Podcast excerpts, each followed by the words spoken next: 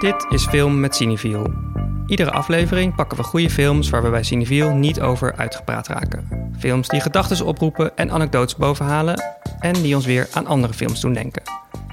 Vandaag zijn dat The Virgin Suicides en Priscilla, respectievelijk de allereerste en de meest recente film van Sofia Coppola. Girls, boys are here. In de gerestaureerde klassieker The Virgin Suicides worden de vijf zusjes uit het gezin Lisbon kort gehouden door hun ouders. Hoe minder contact met de buitenwereld, hoe beter. In Priscilla belandt tienermeisje Priscilla Beaulieu in de reusachtige armen en villa van de entertainer Elvis Presley. Iedereen zit soort van opgesloten, maar in de hoofden van de jonge vrouwen en de mannen die ze bekijken wordt heel wat geleefd en gedroomd. Everyone dates the demise of our neighborhood from the suicides of the Lisbon girls. Even then, as teenagers, we tried to put the pieces together. And who we have here? Uh, Elvis, this is Priscilla Bullion. Why don't you say maybe we get someone quiet? We gaan het in deze podcast hebben over de typisch Coppolaanse verbeelding van The Girl Experience. En we gaan langs in de huizen en slaapkamers van haar bekendste personages. Wat hangt er aan de muur en waarom? Ik ben Jesse Heines en ik ben redacteur bij Cineviel. En naast mij aan tafel zitten mijn collega's Maan Milker en Jente Buskus. Hallo. Hallo. Welkom. Ehm, ja, we gaan het hebben over de girl experience. Maar ik wil het eerst even hebben over de boy experience. Ja, ben Want benieuwd. ik heb meegenomen mijn soundtrack van eh, Marie Antoinette. Oh, Wat een mooie uitvoering is Heel dit. mooi. Ik dacht Ehm, dat de cover heel anders was. nou ja, die is ook anders. Ik, vond hem gisteren, ik heb hem gisteren opgezocht in mijn kast onder het stof. En ik zag dus dat ik het, het boekje heb ik omgedraaid. Oh. Want dit is niet de voorkant, maar de achterkant. Ja. Omdat ik het een mooier plaatje vond. Het is een dubbel cd uit 2001, denk ik. Volgens mij heb ik deze ook, maar ik weet het niet zeker. Ik heb hem helemaal grijs gedraaid. Echt een van mijn lievelings soundtracks. En toen ik 21 was, heb ik het heel veel geluisterd. Er zat echt ook van alles op. Ik was helemaal vergeten dat het twee cd's waren. Maar er zat klassiek, klassieke muziek op, maar ook gewoon The Strokes. strokes. Ehm, wat ja, voor die film die, die gaat over Marie Antoinette en die zich totaal niet in het nu afspeelt, maar wel gewoon ook muziek heeft van, van nu uit de jaren tachtig. Ja. En- En dus ook van Sofia Coppola, waar we het vandaag over gaan hebben voor de luisteraar. Sorry, ja, die film is van haar, sorry. En ik was ook benieuwd wat jullie favoriete soundtrack is. Ja, ik vind het altijd lastig, omdat je hebt zeg maar soundtracks die als geheel heel mooi zijn. Maar ik moet toch be- bekennen dat ik vaak gewoon één nummer nog heel vaak luister. Eh, weet je wel, van een soundtrack. Mhm. En dat heb ik bijvoorbeeld bij Merry Christmas, Mr. Lawrence van eh Richie Sakamoto. En dat was een film uit de jaren 80 met David Bowie onder andere. En de Sakamoto zelf. En dat is gewoon super mooi. Dat luister ik op de fiets als ik echt emotional ben en de wereld wil voelen.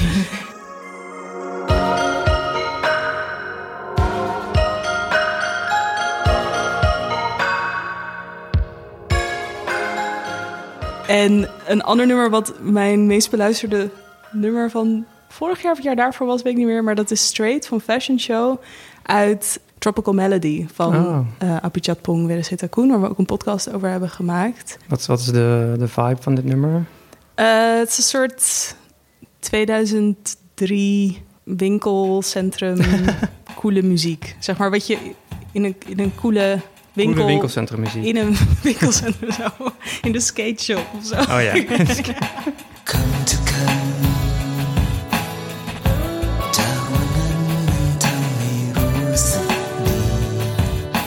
En jij Jente? Ehm, ik heb Marie Antoinette ook heel vaak geluisterd. En eh The Virgin Suicides heb ik ook op cd. Die eh, score van Air die ze daarvoor hebben gemaakt. Maar ik denk dat ik het, wat mijn lievelings is... en wat ik ook echt het meest grijs heb gedraaid... is die van Submarine van Richard Oh, Ayoade uit Oh, die heb ik ook heel 2010 vaak volgens mij of 2011. Met Alex Turner. Ja, van Alex Turner, zanger van Arctic Monkeys. En ik was echt 13, 14, helemaal verliefd op hem. Helemaal verliefd op Arctic Monkeys. Ik luisterde niks anders dan dat. Ehm, maar ik wist helemaal niet dat die film bestond... totdat ik gewoon scrolling through Tumblr... allemaal van die screenshots zag. En het was gewoon... alles in die film was gewoon precies... wat mijn Tumblr-account moest zijn in 2014 of zo. En even zo. ter referentie, Jente was echt groot op Tumblr. Ja, Hoe groot? 13.000 volgers. Wow. En nee, ik ga jullie niet vertellen wat mijn URL was. Ehm, maar eh, het was zo'n... Het is Welsh, het is een beetje zo grauw en gritty... maar ook een coming-of-age liefdesverhaal, maar ook een beetje grappig. En ook een beetje depri en aloof. En dus met een score van, of soundtrack van Alex Turner.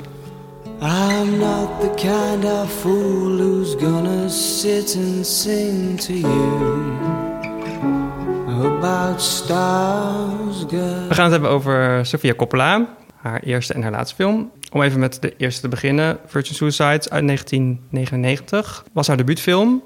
Uh, maar ja, zij was toen vooral bekend als de dochter van... de dochter van filmmakers Francis Ford en Eleanor Coppola. Daarvoor was ze ook even actrice. Ze zat in een paar kleine rolletjes in films van haar vader... waaronder The Cotton Club, 1984... Peggy Sue Got Married in 1986... En toen het grote dieptepunt, waardoor ze, waardoor ze nooit meer heeft geacteerd... The Godfather Part 3 in 1990. Uh, ze speelde het, de dochter van Michael Corleone. En iedereen haatte daar enorm op. Je hebt hem recent nog gezien, toch, Maand? Ja, klopt. Ja. Het, het is ook echt slecht, toch? Nou ja, het, het blijft een hele goede film. Mhm. Maar daardoor valt het wel extra op dat je denkt van... Hmm, misschien moeten niet alle Nepo-babies, omdat het kan, ook iets doen. Zeg Ja. maar. Ja. dat, dat gevoel had ik er wel een beetje bij. Ik Maar heb wel het idee dat we over vijf jaar van die longread artikelen gaan krijgen van... Why Sofia Coppola's acting performance in The Godfather 3 is good actually. En zo. Ik betwijfel het, maar... eh, Mark my words. Het Dat was wel zo ook bij de dat, Bling Ring. dat het later... eh, Ja. Oh ja. Eh, Francis Ford Coppola heeft later nog gezegd van... Omdat de, de verwachting was natuurlijk heel hoog. Omdat Ja. Godfather 1 en 2 waren natuurlijk ook zo goed ontvangen. En dan heeft het heel lang geduurd voordat deel 3 kwam. En dat viel gewoon een beetje tegen. En toen had je ook nog de doch, zijn eigen dochter erin. En ik las dat Sofia Coppola de rol heeft gekregen... omdat Winona Ryder uit was gevallen last minute.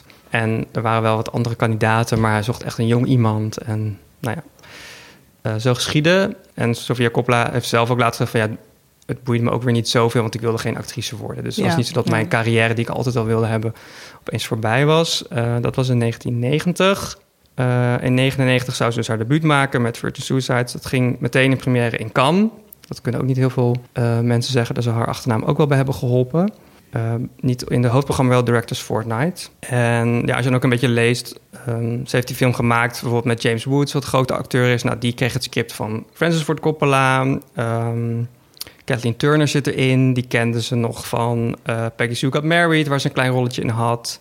Ook misschien interessant te noemen is dat de muziek van Air op de soundtrack... zij kende bijvoorbeeld eh, regisseur Mike Mills... die wij dan weer kennen van 20th Century Women inmiddels. Eh, die kende dan weer eh, Roman Coppola... die dan weer haar film ook produceerde, haar broertje. En zo kwamen ze ook bij Air terecht. Dus is, ja, je kan wel zien dat zij geboren en getogen is... in het entertainmentwereldje van Los Angeles. En zo deze film heeft gemaakt. Los daarvan vind ik, jullie misschien ook, het een hele goede film.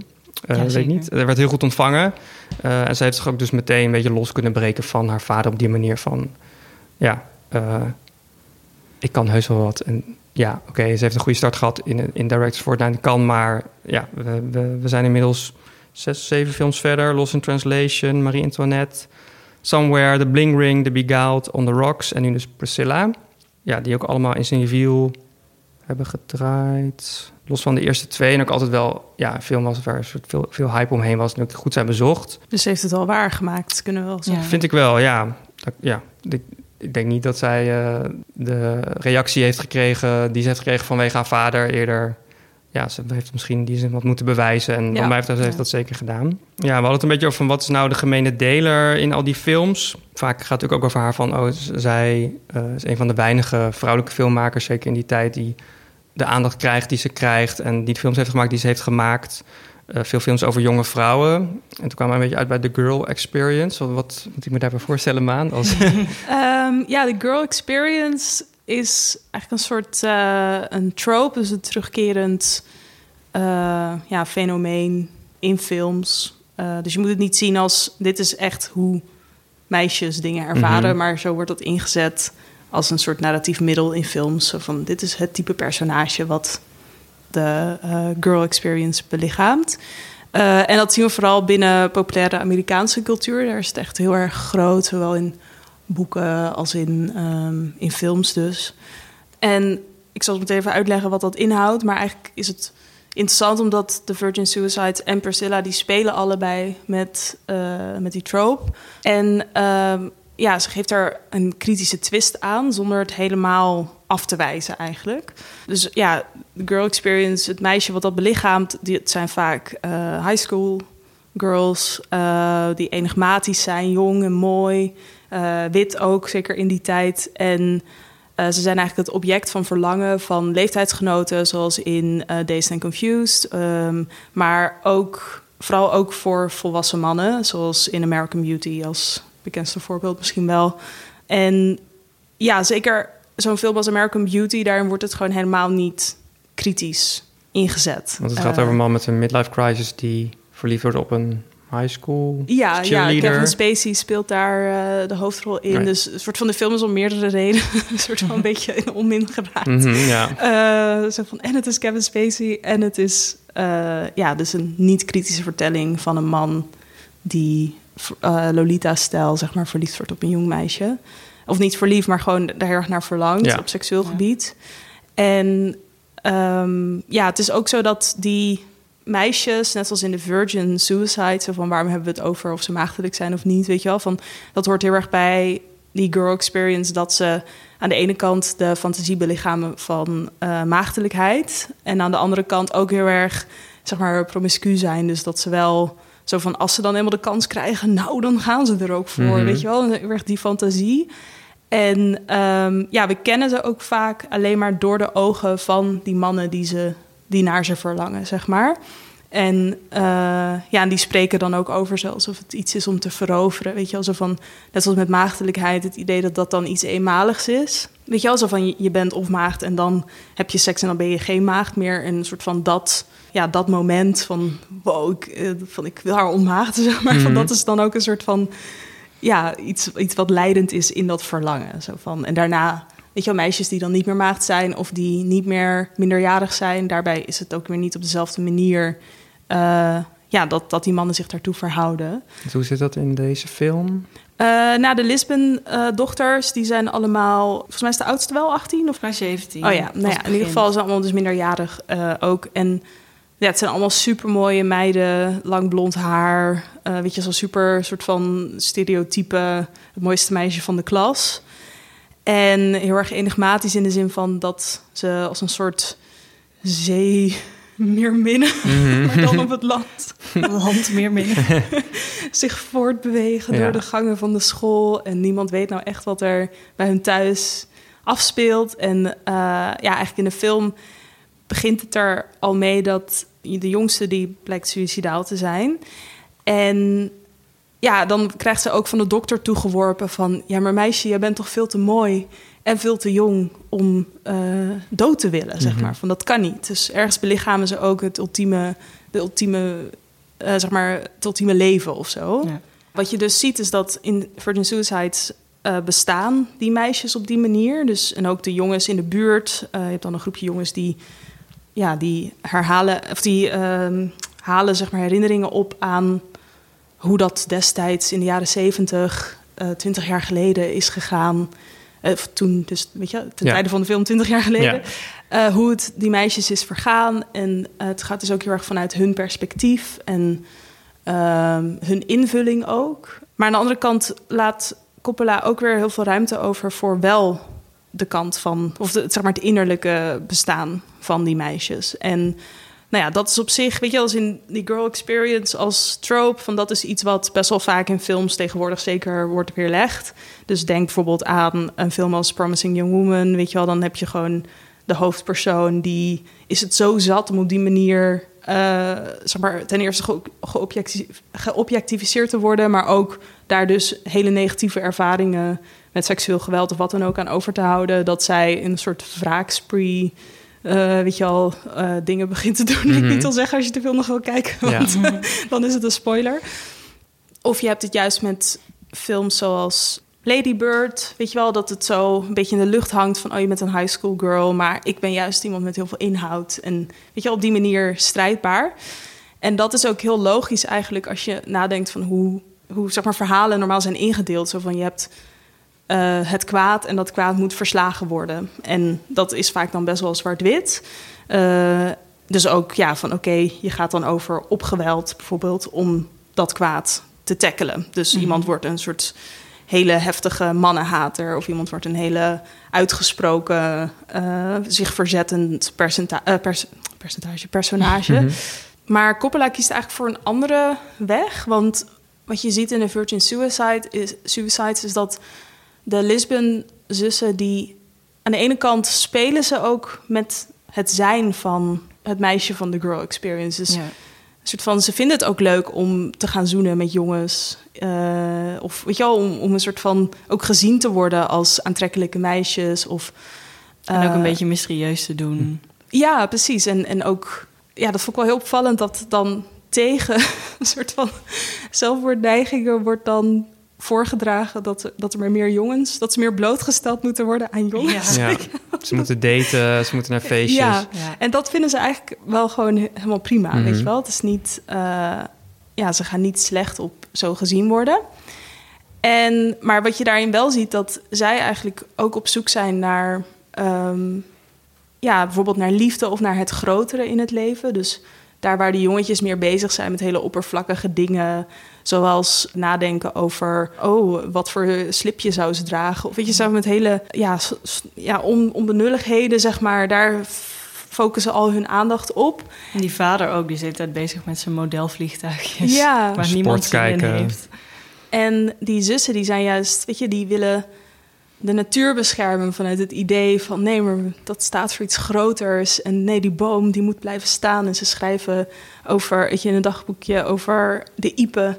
En ook als het dan gaat om, eh, ja, om relaties aangaan met jongens of daarmee daten, dan is dat niet vanuit een idee van oh, het boeit me allemaal niet. En eh, zie mij maar als object. Maar dan gaat het er wel ergens om de zoektocht naar liefde. Ja, dus ergens kan je aan alles voelen van... dit is ergens ook een gelijkwaardige interactie... maar toch willen beide partijen iets anders van elkaar. En daarin zit, ja, zit een soort eh, spanning... die die interacties niet altijd logisch maken of zo... vanuit, eh, zeg maar, eh, een klassiek beeld van... Weet je, dat je datgene nastreeft waar je ook per se beter van wordt... of wat haalbaar is. En dat noemt Lauren Berland, dat is een eh, filosoof... die zegt van ja, dat is eigenlijk iets wat in ons allemaal zit. Een soort vreed optimisme. Mhm. In, eigenlijk in een hoop dingen wat we doen... dan maken we wel een soort afweging van oké... heeft dit zin wat ik doe? Is dit de juiste stap? Maar daarin zit altijd een soort hoop dat eh, de beste uitkomst heeft... Ondanks dat we heel erg vaak worden bewezen in dat dat eigenlijk helemaal niet zo is. Dus met iedere jongen waar je een date mee hebt, daarvan ga je er ergens van uit van, oh, maar hij zal me toch niet als object zien. Bij hem kan ik toch, want ik vind hem zo leuk, bij hem kan ik toch wel liefde vinden. En eigenlijk zie je dan vaak in populaire cultuur dat dat dan ja, niet wordt beantwoord op die manier. Ehm, wat ook een mooi bruggetje is naar Priscilla, omdat daar draait het ook eigenlijk helemaal om dat verlangen naar ehm, een leven met Elvis van Priscilla eh Beaulieu, die dan Priscilla Presley wordt. En eigenlijk is zij constant, weet je, ze is het gelukkigst op het moment dat zij Elvis ziet. En ze, ze wil eigenlijk gewoon de hele tijd dat. Ze denkt zo van, oh, dat, dat is het gewoon. Daarvoor verhuis ik naar de andere kant van de oceaan. En dan op de momenten met Elvis, dan kom je er telkens een beetje achter van... Hmm, is dit nou echt... Was het het allemaal waard of zo, weet je wel? En, de- en dat, die spanning, eh, ja, daar geeft Coppola een soort vrije ruimte aan... door het ook niet te veroordelen van... je mag ook soms, zeg maar, binnen die girl experience... daar ook deels van genieten. Of ook deels je verlangens wel helemaal richten op mannen bijvoorbeeld. Want dat is ook altijd, weet je wel, als een feministisch tegenpunt... zo van, oh, de Bechdel-test, weet je wel... van waarom moeten vrouwen altijd over mannen praten in een film? Het is compleet terecht natuurlijk om dat als kritiek te uiten. Alleen Coppola neemt hierin een soort Lana Del Rey standpunt in. Lana Del Rey doet dat ook in haar muziek. Of tenminste, die spreekt zich daar ook voor uit van...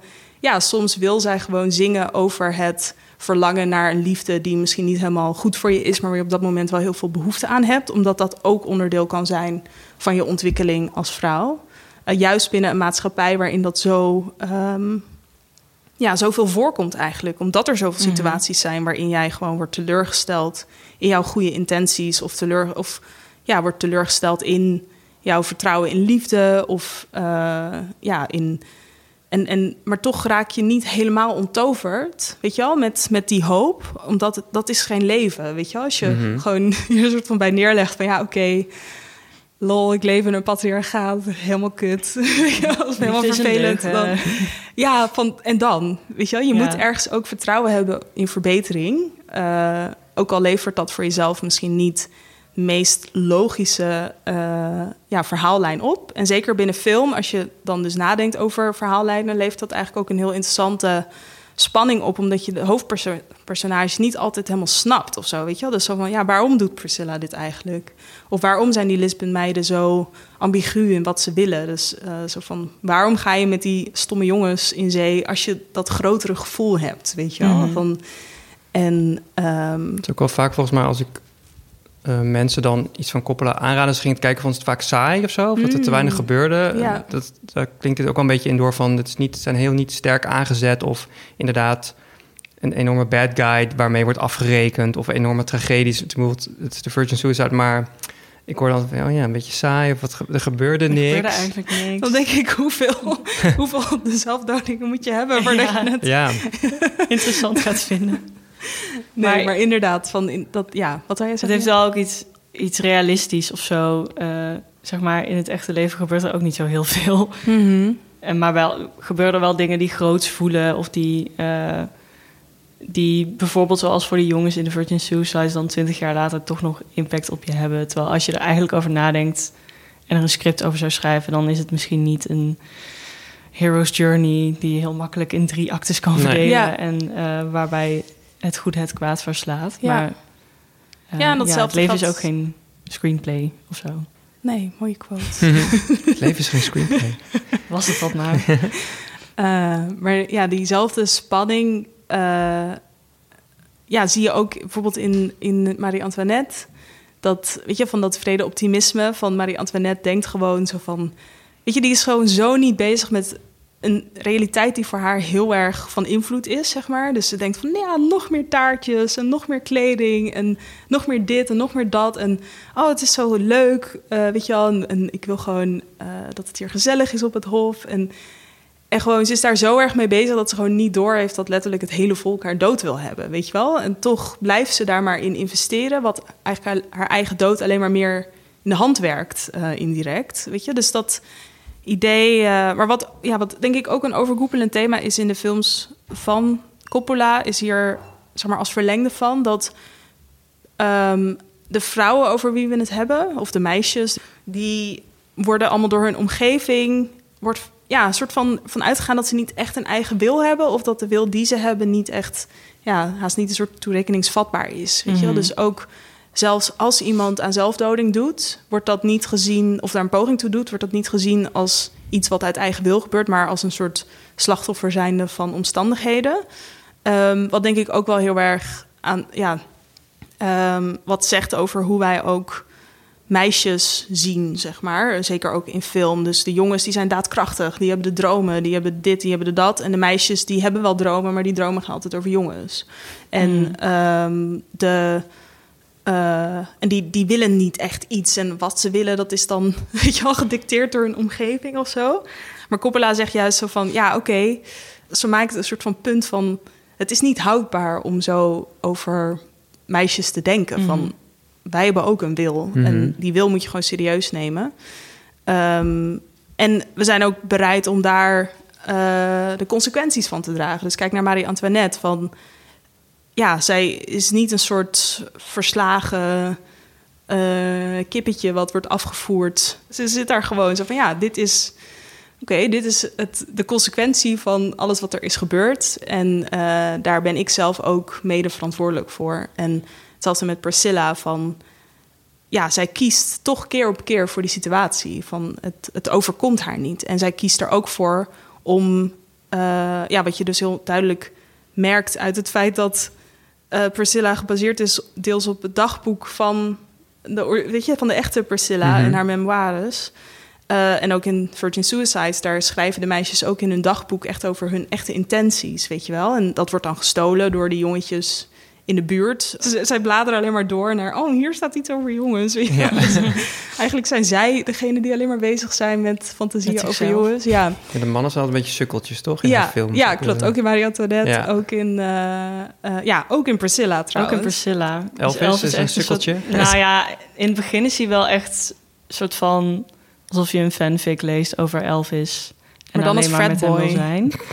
En naarmate de film vordert, wordt hij gewoon zo'n guy die te veel boeken heeft gelezen... die eigenlijk helemaal niet zo interessant zijn. En dan denkt dat hij het leven helemaal uitgeplozen heeft. Ja.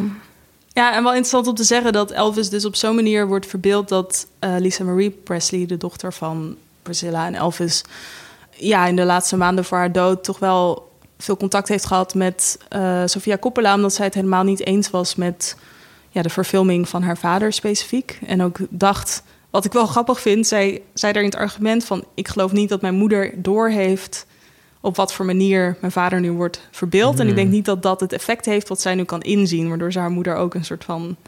Weet je, met diezelfde retoriek, zo van ja, zelfs als vrouw, als je gewoon helemaal je eigen verhaal opschrijft. En Ze weet niet wat ze zegt. weet niet ja, wat ze weet niet wat ze zeggen.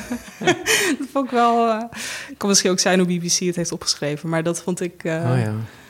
Ja, wel opvallend. Maar in ieder geval, dat dagboek is dus Ja. belangrijk als een soort veilige haven waarin die eh, ambiguïteit kwijt kan, die soms niet logisch lijkt voor de buitenwereld, waarin hun innerlijke leven, waar de buitenwereld soms helemaal niet naar wil luisteren, waarin dat eh, ja, kan worden opgeschreven. En het is ook iets wat heel erg schippert tussen, eh, ja, wat eigenlijk privé hoort te zijn, maar wat in deze situatie dan ehm, openbaar is geworden. Net zoals in The Beguiled, haar andere film, dat je hebt daar een, een huis waar allemaal eh, meisjes samenleven en vrouwen. En dan komt daar opeens een man binnen, weet je wel? Dus dat, dat contrast tussen dingen die dan eerst privé waren en binnen huiselijke sfeer, die worden dan opeens openbaar. Van ja, dat is gewoon enorm spannend, zeg maar, Mhm. voor een verhaal. En dat werkt extra goed als we dat een soort mythische idee hebben van een meisje wat in haar dagboek schrijft. En van, oh, wat zal er allemaal in gebeuren, weet je wel? En En dat, net als dat eigenlijk de, ook hun slaapkamer ook een soort mythische plek is. Ja. Waar ook die jongetjes dan eigenlijk heel benieuwd naar zijn. Van wat, ja, wat, wat ik eerder zei, wat hangt er aan de muur? Wat, wat, wat draaien ze op de Wat platen spelen? liggen daar in de Ja, badkamer. wat kan ik allemaal vinden? En Ja. Het is wel vaker toch dat, dat locaties zijn voor Coppola gewoon heel belangrijk. Van waar speelt het zich af of in welk... Ja, gevangenis is misschien een beetje een groot woord. Maar Ja. groeien die jonge vrouwen op? Ja, ik vind vooral de, de huizen en de slaapkamers van, van Sofia Coppola altijd heel zorgvuldig uitgekozen en heel gedetailleerd ontworpen en aangekleed. eh, echt, en echt heel erg doorleefd of zo. Ehm, en in, in The Virgin Suicide zijn, is ook een eh, scène aan het begin dat eh, Tim, een van die vier jongens die dus helemaal obsessief is met die zusjes, ehm, hij, hij moet dan naar de wc en dan moet hij door Cecilia's kamer, door de kamer van het jongste zusje heen. En hij doet dan die deur open en het is echt alsof hij Narnia binnenstapt. Ook, lijkt bijna in slow motion. Eh, en dan krijg je close-ups van een, een houten kruis aan de muur waar dan een BH aan hangt. En hij ruikt aan haar lipstick. Eh, ja, het is een soort van een plek waar hij eigenlijk niet zou mogen, moeten mogen zijn. Eh, en waar hij toch even de drempel over mag stappen. En wat dus in de Beguiled ook heel spannend is, inderdaad. Zo'n huis waar... eh, eh, het, het speelt zich af tijdens de Civil War in Amerika. in het zuiden. En dan komt er een gewonde soldaat uit het noorden... Die, die daar om zoveel redenen eigenlijk niet mag zijn... maar vooral ook omdat het dus een, een school voor meisjes is... waar nog nooit... Die, ja, bijna alsof ze nog nooit een man hebben gezien... Ehm, en dat maakt het heel spannend. Ehm, maar de, ja, de, de manier waarop Sofia Coppola eigenlijk het, het huis gebruikt en hoe eh, ze de kamers inzet, is, vind ik heel interessant eh, in relatie tot ook wat jij vertelde, Maan. eh, het idee van de privésfeer die openbaar wordt, of juist de openbare sfeer die probeert naar binnen te kijken. Ehm, want in de Virgin Suicide zitten ook eh, heel veel stukjes waarin bijvoorbeeld eh, televisie, eh, ja, van dat, dat er zo'n nieuwslezer voor de deur daar staat, zo van. It's 4 p.m. Do you know where your children are? Wat gebeurt er hier achter mij in dit huis? Wat, hoe kan het dat deze meisjes zo depressief zijn? Eh, en hoe- waarom kunnen we niet naar binnen kijken?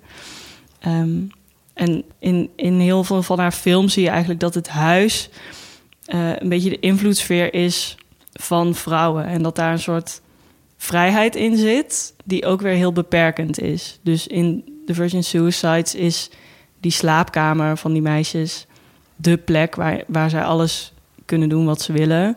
eh, zolang ze maar binnen blijven. Dus de, de muur is wel paars en er staan allemaal knickknacks en er hangen posters aan de muur. En Lux heeft een krat vol met platen daar staan. Ehm, maar tegelijkertijd is het huis waarin die kamer bestaat een soort van beige vesting waar niemand in kan, waar geen ramen lijken te zijn en waar ook heel lastig naar binnen te kijken is. Want die jongetjes aan de overkant van de straat die hebben wel een telescoop en die proberen dan af en toe naar binnen te kijken, maar in de film wordt ook heel erg duidelijk hoe weinig ze daardoor eigenlijk kunnen zien. En dat heeft ook heel erg een aantrekkingskracht. Weet Ja. je, juist door dat enigmatische, doordat dat je niet zo goed weet wat erachter zit. Ja, Wat, ja, wat gewoon iets is wat in zoveel dingen in films, weet je wel, wordt ingezet. Ja, ook in horrorfilms bijvoorbeeld, dat het spannender is als je het monster niet ziet dan, dan als je het wel ziet. Ja. Dat idee zit ook heel erg in de Virgin Suicide. Dat het interessanter is voor die jongens om eigenlijk niet te weten wie die zusjes zijn dan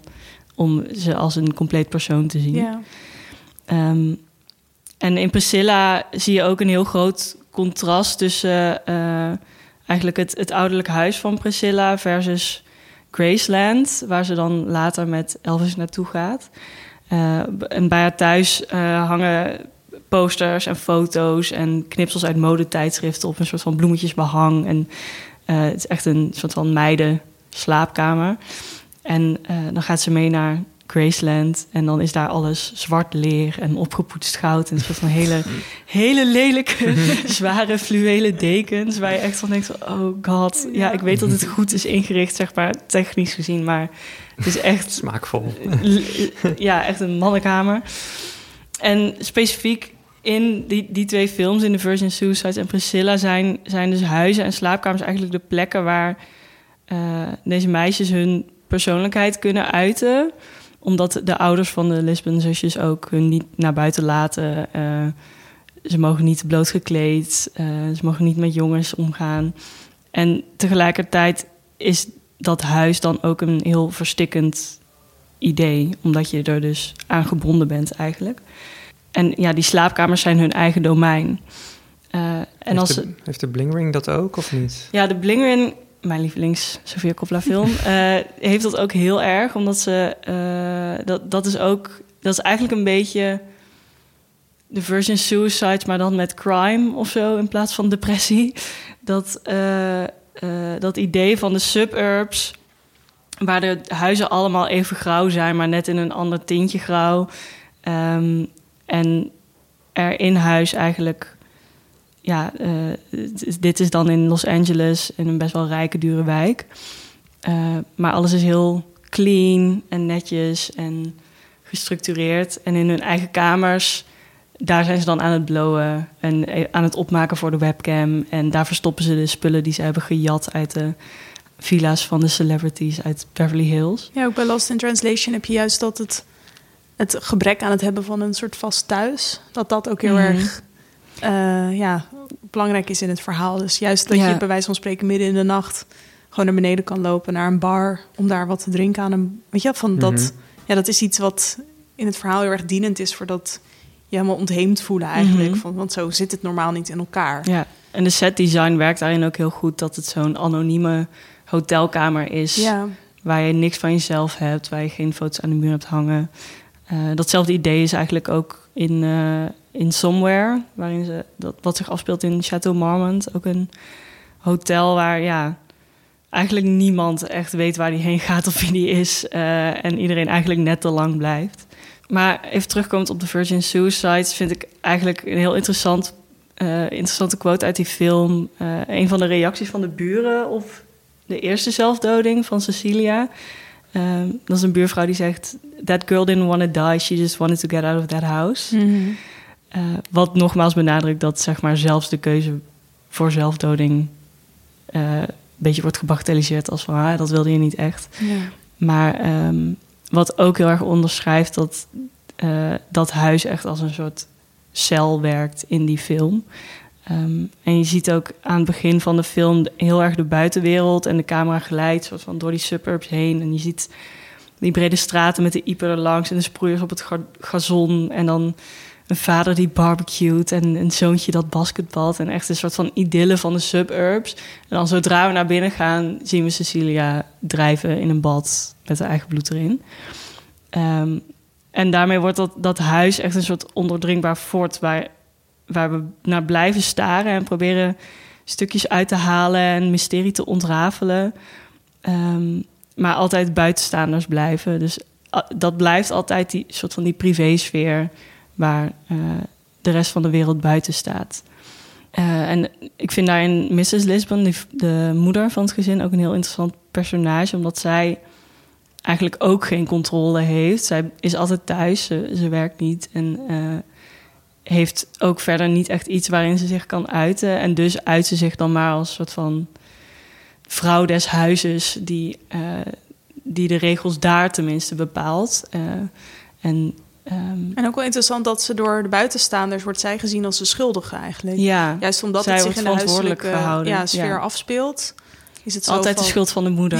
Ze gaat in deze film ook echt letterlijk op in het interieur van het huis. Ze heeft altijd beige aan en verdwijnt een beetje zo in die achtergrond. Dat gebeurt in Marie Antoinette trouwens ook. In een van mijn lievelingsscènes dat zo ehm, Kirsten Dunst in een jurk met een bloemetjesmotief huilend in een hoekje in Versailles zit.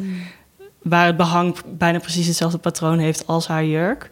Dat de ruimtes eh, soms letterlijk de, de personages helemaal opslokken in de films van, eh, van Sofia Coppola. Dit was heel lang mijn wallpaper op mijn laptop. En nu ook.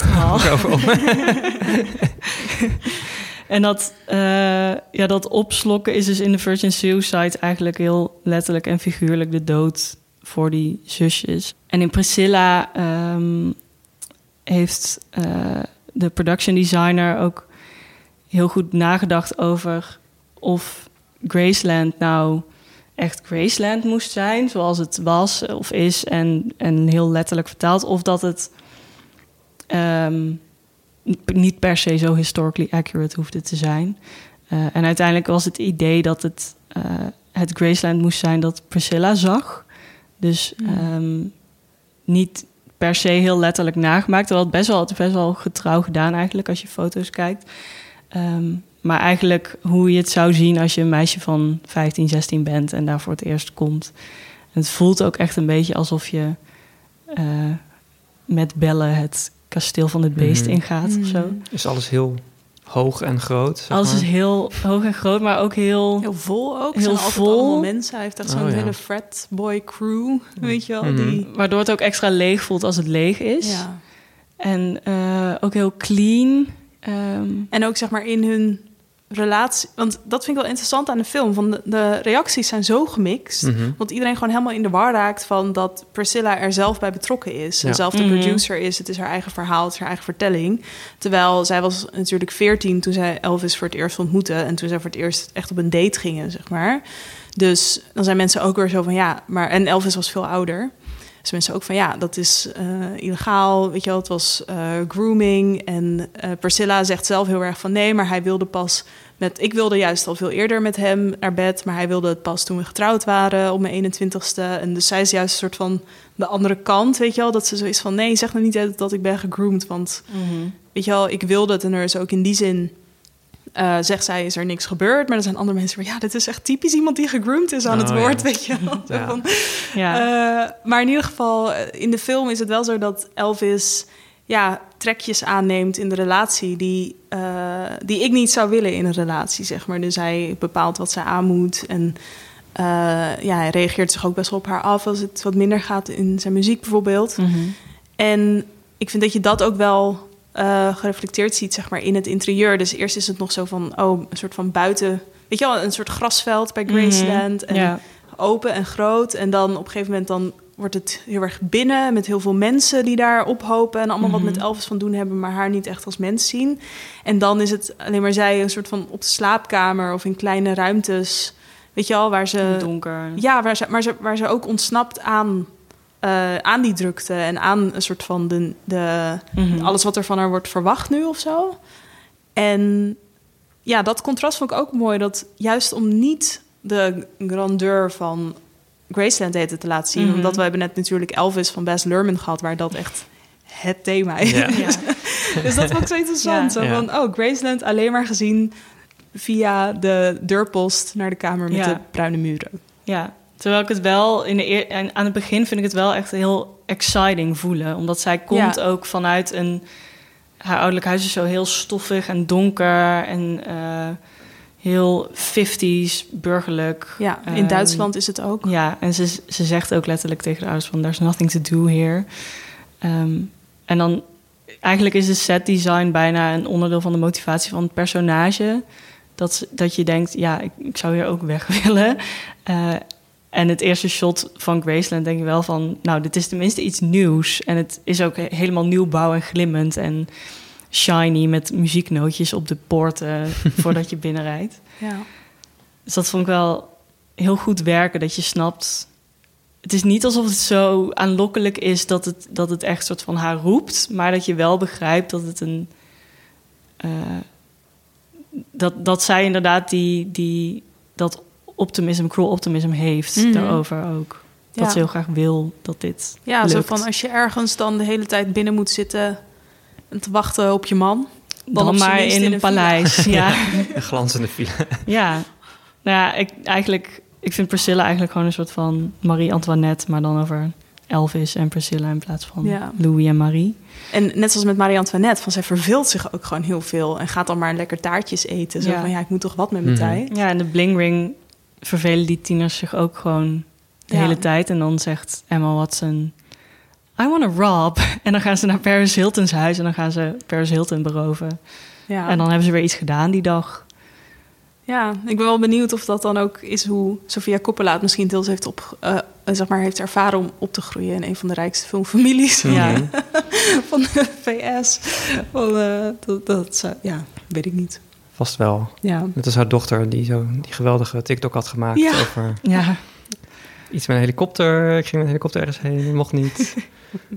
Die, ja ze, eh, wilde, ze wilde een helikopter charteren, maar mocht niet omdat ze Ook de helikopter. omdat ze grounded was of zo. Of ze was grounded omdat ze de helikopter wilde charteren. ja. En toen ging ze pasta met shallotjes maken. Een stukje cinema aan overgehouden. Ehm, Oké, dank jullie wel. Ik heb nog niet gezien. Ik ga het vanavond doen. Beloofd. Ehm, wat ik ook ga doen is, ik ga je vragen of jullie nog films hebben waar jullie naar uitkijken. Komende maand. Ik kijk heel erg uit naar ehm The Holdovers. Dat is een nieuwe film van Alexander Payne. Van wie ik niet per se heel erg fan ben. Maar deze, eh, dit plot klinkt gewoon amazing. Namelijk eh één chagrijnige docent... één eh, student die een beetje probleemleerling is... en het hoofd van de schoolkeuken blijven achter op een prestigieuze Amerikaanse school... tijdens de kerstvakantie. I Top, love it. top. Ik vind het heel jammer dat hij niet voor kerst is uitgekomen. Ja, zag ik, ja. Want is- zelfs de poster heeft een kerstbal voorop staan. Ehm, maar het klinkt als een, een film die zeg maar begint als gewoon een soort van three people walk into a bar mop. Mhm. Maar die denk ik heel erg mooi wordt. En die is vanaf 11 januari te zien. Leuk. Maan, waar kijk jij naar uit? Eh, ik kijk uit naar de nieuwe film van Hirokazu Koreeda. Daar hebben we al een keer eerder, precies een jaar geleden als deze uitkomt, een podcast over opgenomen. Dus ik vond het wel een mooie traditie dat in januari er een nieuwe Koreeda Ja, dat film is gewoon uitkomt. eh, wat er nu is. Eh, Vaste prik. Ja, het is Monster eh, heet de film. En het gaat over een verhaal wat ja, eigenlijk vanuit verschillende perspectieven telkens opnieuw wordt, wordt verteld. Waardoor het weer een hele andere betekenislading eh, krijgt. En weer lekker tearjerky, familie, ehm, Gevoelig. gevoelig. Lachen en traan. En dat was super leuk. We hebben het daar al in eh, de Kan-podcast over gehad. Maar Jente, het was met jou, Ja, toch? ja. we liepen s- s'avonds in Cannes op het festival eh, over de boulevard. En toen zagen we een heel klein jongetje in een hele luxe tuxedo. En toen bleek dat de hoofdpersoon te zijn uit. Monster. En hij was zo blij daar. Hij was echt aan Natuurlijk. en hij keek ons ook echt zo aan van, oh, wil je een handtekening? Maar toen hadden we de film nog niet gezien. Dus toen Je wist het nog niet. wist ik het nog niet. Ehm, ja, nee, dus die komt 18 eh, januari uit. Oké. Ik kijk uit naar Stop Making Sense. Voor mijn gevoel heb ik hem al gezien. Het is een, een concertfilm uit 1984. eh, van de Talking Heads. Dus zo'n iconisch beeld van de frontman die zo'n enorm pak aan heeft. En een lamp. En een lamp vasthoudt. en, eh, ik wil ook zo'n pak. Ja, het is een, een, wat ik zeg, een legendarische concertfilm die ik nog nooit heb gezien. En die eens in zoveel tijd terugkomt in Cineville. Maar nu is hij dan gerestaureerd. Eh, en hij gaat ook echt breed uit op heel veel plekken. En ehm, volgens mij ging hij een paar maanden geleden in Amerika opnieuw uit. En toen kreeg je allemaal eh, TikToks van mensen die bij zo'n eh, voorstelling waren, gingen meedansen. En zelf Ja. ook zo'n pak aan hadden of lamp hadden meegenomen. En eh, ik zag ook al dat Kino in Rotterdam heeft een aantal voorstellingen ingepland. Er staat heel specifiek bij dat je, er, dat je mag komen dansen. Zeg maar. Oh, er zijn een aantal voorstellingen waarbij het soort van misschien wel niet mag. Maar bij sommigen mag het sowieso. Dus ehm, zoek dat op. Hij is vanaf 11 januari te zien in Cineville. Dat was hem weer. Film met Cineville. Eh, Priscilla en The Virgin Suicide zijn allebei nu te zien in Cineville. Eh, wil je weten welke films er nog meer te sprake kwamen of welke soundtracks? Check dan de show notes op onze website. Eh, en wil je op de hoogte blijven van alles wat er speelt, schrijf je dan in voor onze nieuwsbrief. En wil je meekletsen of heb je vragen? Je kan ons altijd mailen op podcast.cineviel.nl. Bedankt voor het luisteren en bedankt Jente en Maan. Doei. Doei.